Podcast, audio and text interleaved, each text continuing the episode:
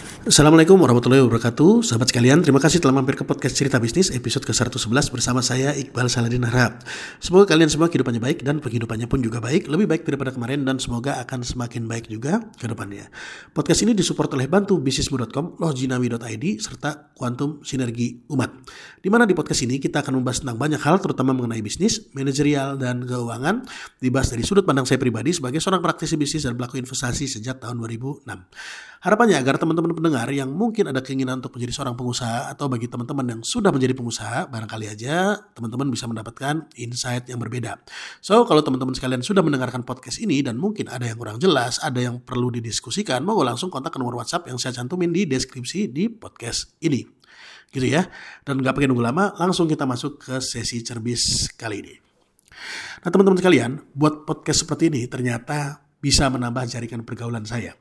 Saya jadi mudah terhubung dengan orang-orang di luar jaringan saya selama ini, alias saya lebih mudah menambah teman.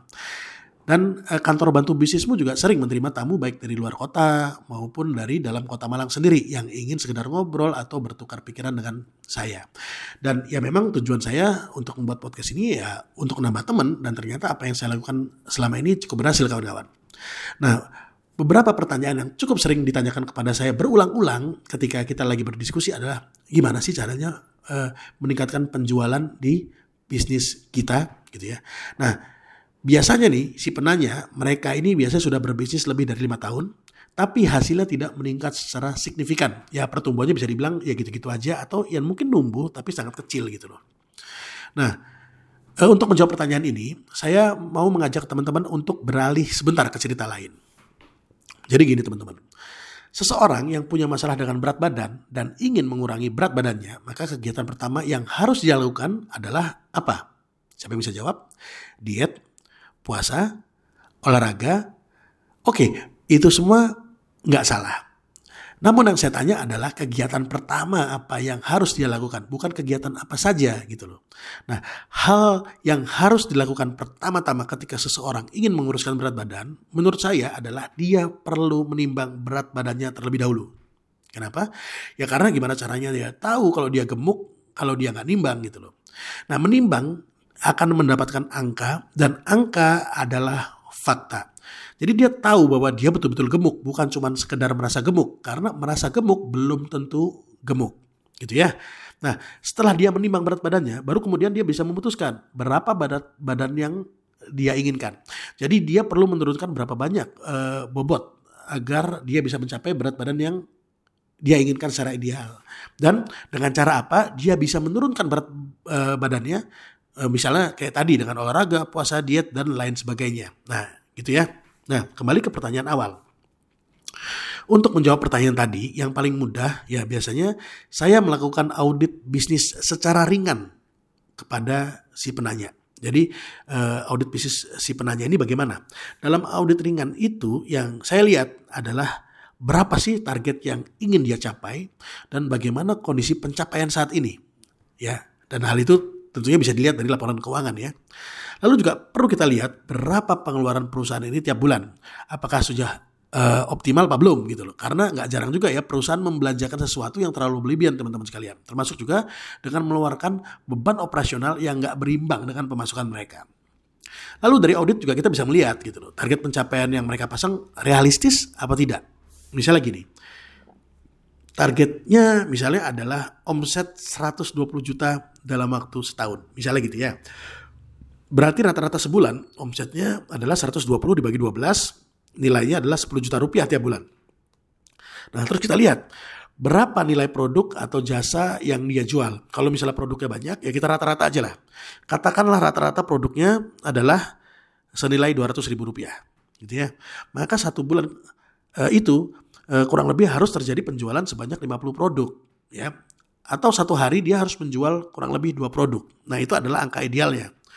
Lalu bagaimana dengan kondisi sekarang? Berapa produk yang terjual dalam waktu satu bulan? Apakah masih uh, terpaut jauh dari uh, angka 50 produk? Kalau masih terpaut jauh, berarti nah, ini ada masalah gitu loh. Berarti perlu dipertimbangkan tentang apa yang harus dilakukan agar penjualan bisa meningkat. Lalu berikutnya, perlu kita ketahui siapa target pasarnya gitu loh. Apakah cukup banyak yang membutuhkan produk tersebut? Seberapa banyak? Dan kalau memang betul banyak dan eh, apa namanya cukup banyak yang membutuhkan, perlu kita tahu dari mana sumber datanya. Apakah dari riset yang matang atau cuman sekedar kira-kira doang gitu loh. Nah artinya apa? Saya tidak ingin ya Anda itu menjual produk yang nggak ada pasarnya gitu loh. Oke lah, mungkin produk Anda canggih, mutakhir dan kekinian. Tapi kalau nggak ada yang butuh, buat apa juga gitu loh. Jadi eh, seperti itu ya, kita nggak langsung masuk ke pembahasan yang mendalam seperti strategi pemasaran, keuangan, tentang, tentang teknik branding dan lain-lain itu belakangan. Yang penting ya kita perlu yakin bahwa produk ini punya value yang jelas, target pasarnya jelas, pasarnya ada, dan size marketnya cukup besar. Baru berikutnya bisa kita pertimbangkan tentang berapa peningkatan penjualan yang diinginkan dan apa saja yang perlu diadakan agar peningkatan penjualan bisa dilakukan. Ya kayaknya mudah ya kalau kita mau fair dalam menilai bisnis kita sendiri memang kayaknya mudah. Tapi ya ini ada tapinya.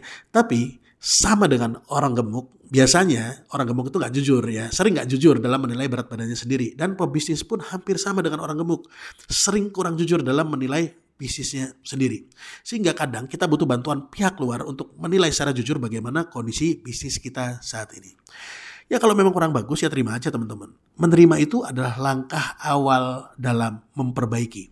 Nah gimana bisa diperbaiki kalau yang punya bisnis gak merasa punya masalah dalam bisnisnya. Ya kan? Jadi ya harus sadar dulu gitu loh. Menerima dulu baru langkah berikutnya adalah diperbaiki. Ya Oke, mungkin gitu teman-teman sekalian ya tentang cerita bisnis edisi kali ini tentang uh, bagaimana mengaudit bisnis secara dasar di bisnis masing-masing. So kalau misalnya teman-teman sekalian mungkin ada yang kurang jelas, pertanyaan saya mungkin uh, uh, bukan pertanyaan saya, perkataan saya mungkin kurang jelas germeng gitu ya. Kata-kata saya juga mungkin uh, ya kurang jelas lah intinya kurang jelas dan ada yang perlu ditanyakan, ada yang mesti didiskusikan, bisa sharing ke nomor WhatsApp yang saya cantumin di deskripsi di podcast ini. So semoga bermanfaat buat teman-teman pendengar semuanya, terutama buat saya pribadi sebagai pengingat diri. Saya cabut dulu, sampai jumpa di episode service berikutnya. Assalamualaikum warahmatullahi wabarakatuh.